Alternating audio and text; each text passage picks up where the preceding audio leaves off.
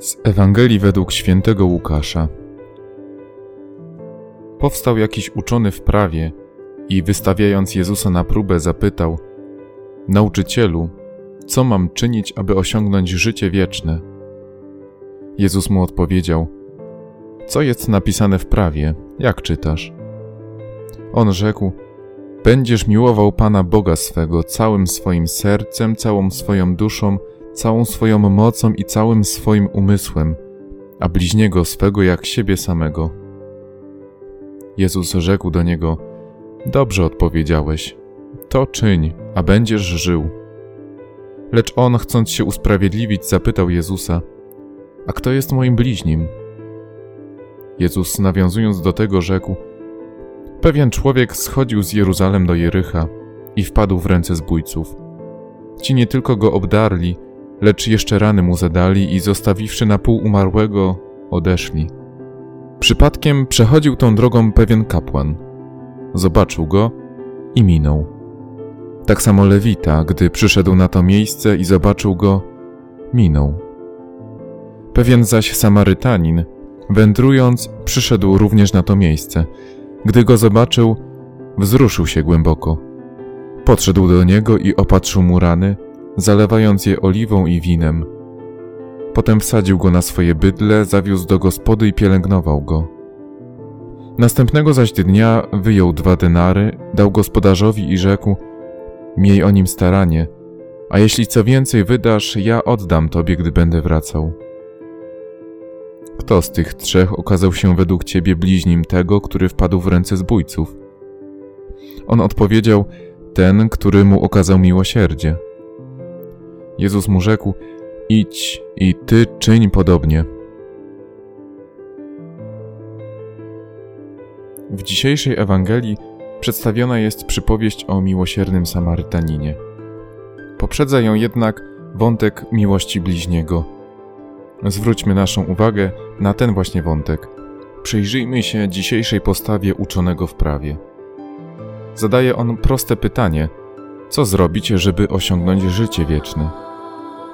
Pytanie jest bardzo trafne. Każdy chrześcijanin powinien je zadać i się nad nim zastanowić. Uczony w prawie był mistrzem tory. Studiował ją większość życia. Dlatego też otrzymuje banalną dla niego odpowiedź. Co jest napisane w prawie? Jak czytasz? A z pewnością czytał i zgłębiał owo prawo każdego dnia. Bez problemu cytuje Księgę Powtórzonego Prawa i Księgę Liczb – gdzie znajdują się zapisane owe polecenia pańskie. Finalnie uczony w prawie sam sobie odpowiedział na postawione pytanie. Pokazuje nam to pewną cechę Boga. Zapewne mamy do Niego wiele pytań, spraw do przemodlenia. Nie bójmy się podjąć dialogu z Panem. Nie bójmy się zadawać Mu pytań. Pan Bóg nie zostawia pytań bez odpowiedzi, choć czasem może nam się tak wydawać. Dzisiejsza sytuacja ewangeliczna nam to klarownie wyjaśnia. W dialogu Pana z uczonym Jezus dostosowuje się do poziomu rozmówcy. Inaczej przemawia do tłumów, inaczej rozmawia z uczonymi i faryzeuszami, jeszcze inaczej przemawiał we wczorajszej Ewangelii do posłanych uczniów.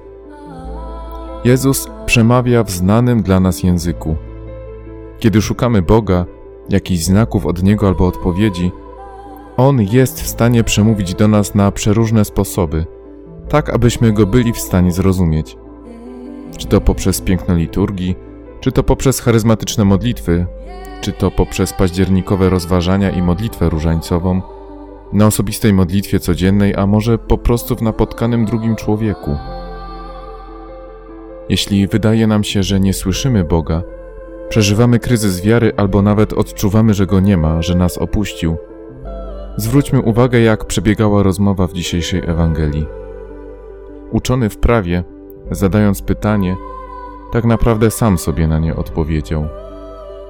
Jezus wiedział, że ten człowiek jest w stanie sam dojść do poznania odpowiedzi. Nakierował go delikatnie pytaniem i przypowieścią. Nam może się wydawać, że nie dostajemy odpowiedzi na nasze pytania i wątpliwości. Być może sami jesteśmy w stanie do nich dojść. Być może nie powinniśmy pytać się Jezusa o gotową odpowiedź, a o wskazówki do niej. Bo odpowiedź jest w nas. Jesteśmy w stanie sami sobie odpowiedzieć. Ewentualnie wykorzystując koło ratunkowe w postaci telefonu do przyjaciela. Nie bójmy się dzisiaj podjąć dialogu z Panem